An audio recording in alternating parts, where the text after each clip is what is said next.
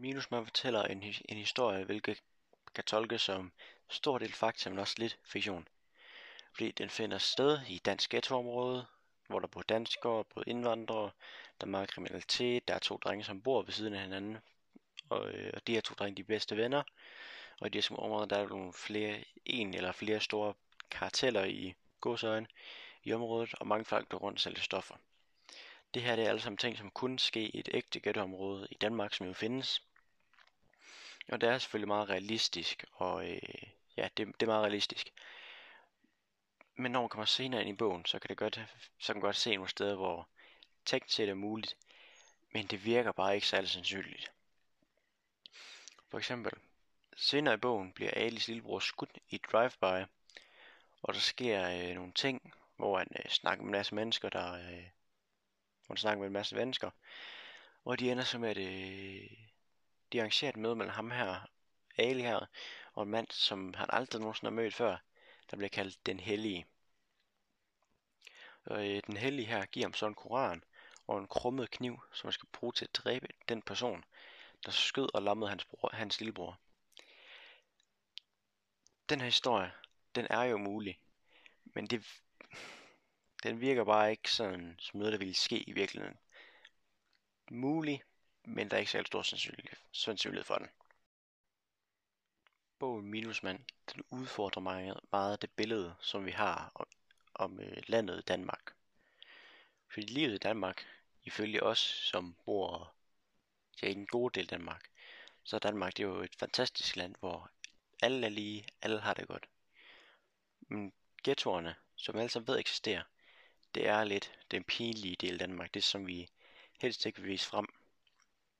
Og den her bog, den fokuserer fuldstændig på de her ghettoer, som vi er så bange for at vise til resten af verden og resten af befolkningen.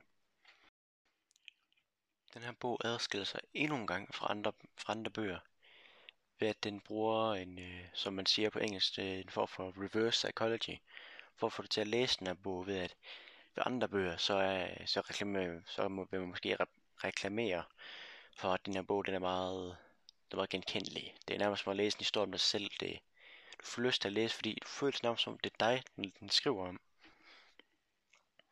Men i minusmand, så er det i hvert fald for folk som mig, som bor her i en god del af Danmark, kan man vel sige på en måde. Der er det nærmest det modsatte.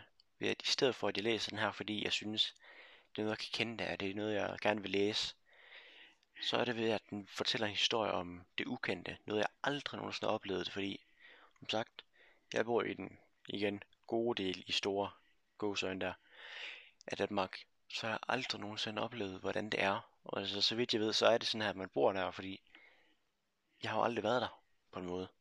Så den her bog, den, den, er, meget, den er meget anderledes fra andre, ved at øh, den får os til at læse noget, fordi vi vil gerne finde ud af, hvad der sker ikke på samme måde som andre bøger. Vi, vi, vi vil ikke vide, hvad der sker med historien. Vi vil bare vide, hvad sker der faktisk i sådan her område af Danmark. I det her land, som vi bor i.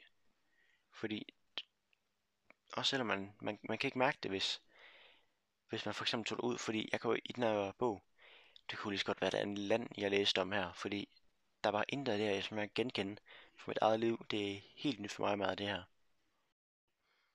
Da jeg først så titlen den her bog, altså minusmand, så forstår jeg ikke, hvad, hvad, hvad, hvad betyder minusmand. Det forstår jeg ikke helt. Og jeg håber på, at efter jeg havde læst bogen, så ville jeg så forstå, hvad minusmand det betød. Og, at, og tænkte, at der ville sikkert være et eller andet i bogen, som hentede til den her titel, og så gav det noget mening. Men nu har jeg så læst den, og jeg mener, jeg forstår den stadig ikke helt. Jeg har to teorier, som kan, måske på en måde kan forklare titlen, men jeg, jeg er ikke lige sikker på nogen af dem. Den første der er, at øh, titlen den, den simpelthen hentyder til, at der er flere minus mænd, som er en dårlig indflydelse på vores hovedperson, hovedpersoner, altså Ali og Tobias, fordi de ender jo begge to med at bryde loven på meget alvorlige måde. Ali han begår jo mor, og Tobias han gemmer stoffer for en, øh, ja han gemmer stoffer for Allan, og jeg tænker så, at minusmændene for eksempel i Tobias liv, i Tobias historie, undskyld, der er det, der er det meget åbenlyst, der er det i hvert fald Allan, fordi han er, altså, ham der er et stor gangster der. Han har meget klart en virkelig, virkelig dårlig indflydelse på Tobias, og for os, for ham også at bryde loven på alle de her måder. Men på Ali, der, der er en lidt mere kompliceret. Der kan det være på noget af det, det, det er hans lillebror, øh, hvad han, Mahmoud, som er en dårlig indflydelse. Ikke ved at Mahmoud han selv gør noget forkert, men fordi at det er ham, der på måde giver den dårlige indflydelse på alle de andre i området, i kvarteret, som så prøver at hjælpe Ali på deres måde ved at få ham til at få hævn, ved at dræbe ham, der der gjorde det. Og øh, den anden til, eller den anden teori, det var, at det, at måske hentyder til Ali og Tobias, som er manden i deres egen historie. Og de blev begge to ramt af det her minus i deres liv, ved at de begge to bliver alvorligt kriminelle. Og livet som kriminel, kriminel, det er jo egentlig meget hårdt.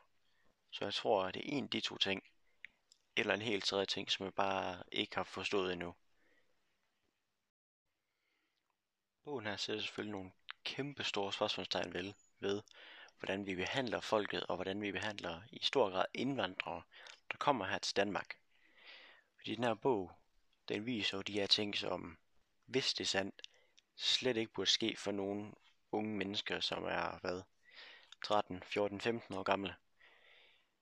Men forbedringen af de her ghettoer og børn og unges liv i de, i de her ghettoer, det ligger jo stort set nærmest 99% hos, hos regeringen. Fordi det er op til dem at måske oprette velgørenhedsorganisationer til at hjælpe de udsatte, eller måske bare at reklamere for at, ja, bare for at hjælpe, eller måske donere nogle af, nogle af statens egne penge til de her områder. Men jeg tænkte, at en af de største problemer i de her ghettoområder, det er jo kriminalitet og forbrydere. Der er selvfølgelig mange andre problemer. Det er en masse problemer, der bare kommer sammen i de her ghettoer. Det, det er derfor, vi har lavet de her ghettoer for, for at tage alle de værste ting ved Danmark og samle dem et sted, så vi kan holde styr på det. Og det er også derfor, vi er bange for at vise dem frem, fordi det er alt det dårlige ved Danmark. Men jeg tænker, at kriminalitet det er det største problem. Og for at få det væk, så, så foreslår jeg, at man kunne gøre ligesom man gør i nogle andre lande.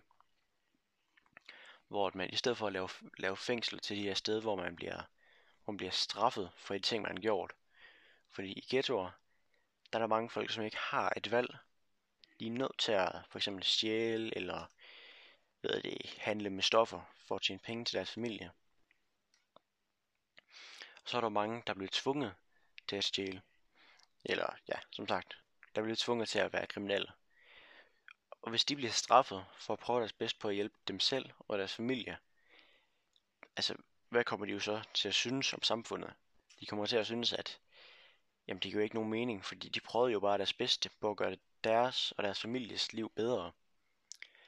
Så i stedet for at de bliver straffet, så kan de blive omdannet. Så de, de kan få hjælp. De kan, de kan få at vide, at det, det er ikke nødvendigt at være kriminel for at overleve. Man kan godt få hjælp af andre, for, som for eksempel staten. Så i stedet for at øh, man bliver straffet i fængsel, så synes jeg, det nærmest burde være mere som en skoleagtig. Hvis man ikke har fået, hvis man, hvis man er ung eller gammel, og man ikke har fået en uddannelse, så er det jo svært at få arbejde. Og det, og det er der mange i Esuen, som ikke har, fordi igen, altså, det var ikke, der, der er ikke sådan de mest fantastiske skoler i ghettoer. Ghettoer, de er ikke kendt for, for, deres, ud, for deres fantastiske uddannelser.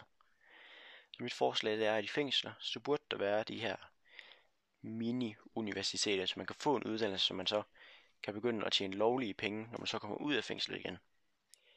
Og når man så kommer ud, indtil man er kommet over fattigdomslinjen, så mit forslag, at man skal få en form for fængselskontanthjælp, der lige hjælper med, at der, der hjælper med at komme i gang igen, komme ud af fængslet, få et nyt liv. Jeg foreslår også, at vi måske på en måde omdanner kontanthjælp her i Danmark ved, at det er ikke alle, der skal modtage den samme mængde penge. Og det er ikke sådan baseret på ens familie eller situation. Jeg tænker mere på, hvor, hvor langt fra fattigdomslinjen linjen man er. Fordi der burde være en forskel på øh, nogen, som bor lige under fattigdomslinjen, som egentlig har et halvgodt liv, som har bare har, som bare mangler en smule penge. De vil ikke få de samme, den samme mængde kontanthjælp, som folk, der går rundt på gaden og bor på varmestuer, og ja, hvis der ikke er nogen nærheden, bare sover ude i naturen. De burde ikke få den samme mængde penge, så det, jeg foreslår en form for situationsmæssig kontanthjælp, der giver øh, penge baseret på, hvor alvorlig den økonom- økonomiske situation er. Jeg synes også, der skal, laves, der skal laves noget om på, hvornår kontanthjælpen stopper. Fordi for eksempel hvis man så når der lige på fattigdomslinjen, lige kommer en krone over fattigdomslinjen, så i stedet for at den stopper der, og de her ekstra penge du fik, de så forsvinder, og du igen ryger under fattigdomslinjen. Det var dumt. Så endnu der, hvor du startede, og så får kontanthjælp, kontanthjælp igen. Eller så får du det ikke engang, fordi du, du lige er kommet op. Jeg foreslår så en reform, der siger, at man skal en vis grad over fattigdomslinjen, før kontanthjælpen stopper, så man ikke bare ender under fattigdomslinjen igen med det samme.